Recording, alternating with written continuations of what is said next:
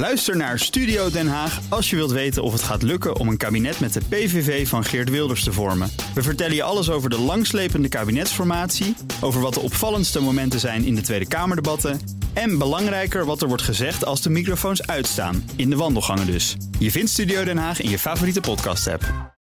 De column van Jaap Jansen.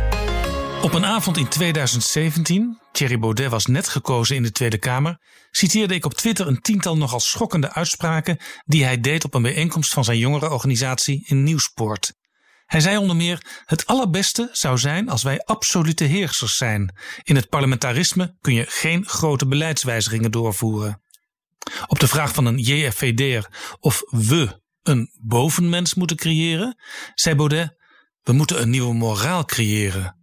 En de Antillen moesten we, als ons laatste stukje grandeur, nooit opgeven. Met spijt zei hij: Vroeger was de hele wereld van ons.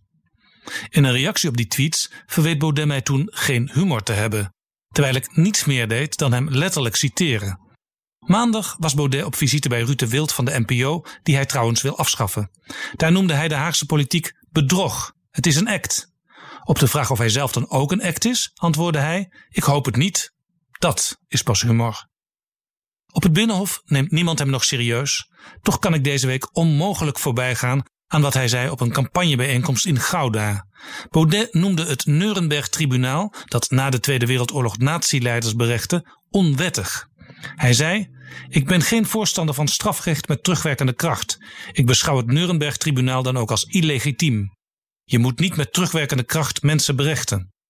Toen hij daar kritiek op kreeg, verwees hij naar zijn proefschrift uit 2012, waarin hij hetzelfde geschreven zou hebben. Maar in dat op zichzelf al heel merkwaardig geschrift, wat hij trots overhandigde aan Jean-Marie Le Pen, die de gaskamers een detail in de geschiedenis van de Tweede Wereldoorlog noemde, ging hij zover nog niet. Hij leek toen zelfs wel enige waardering voor het tribunaal te hebben. Nuremberg was een grote sprong voorwaarts in de ontwikkeling van het internationaal recht. De winnende machten zagen bewust af van het standrechtelijk executeren van de verantwoordelijke voor de oorlog en de holocaust vanuit de gedachte iedereen heeft recht op een eerlijk proces, ook de grootste tirannen. Door Nuremberg niet legitiem te noemen, maakt Baudet genocide tot iets wat niet op basis van een wettelijke norm bestraft kan worden.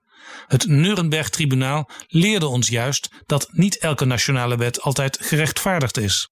Maar in de redenering van Baudet is bevel is bevel blijkbaar een geldig excuus. Bij Ruud de Wild noemde Baudet zichzelf de minst racistische persoon die je je kunt voorstellen. En hij zei ook: Als je op een gegeven moment snapt wat ik bedoel, dan ben je het automatisch met alles wat ik zeg eens. Deze week was Baudet ook op Tolen. Daar pleitte hij voor reizen naar de maan, georganiseerd vanuit Nederland. Misschien is het een goed idee als hij zelf als eerste gaat. Ook Thomas van Zeil vind je in de BNR-app. Je kunt live naar mij luisteren in Zaken doen, de BNR-app met breaking news, het laatste zakelijke nieuws en je vindt er alle BNR-podcasts, bijvoorbeeld Het Nieuwe Geld. Download nu de gratis BNR-app en blijf scherp.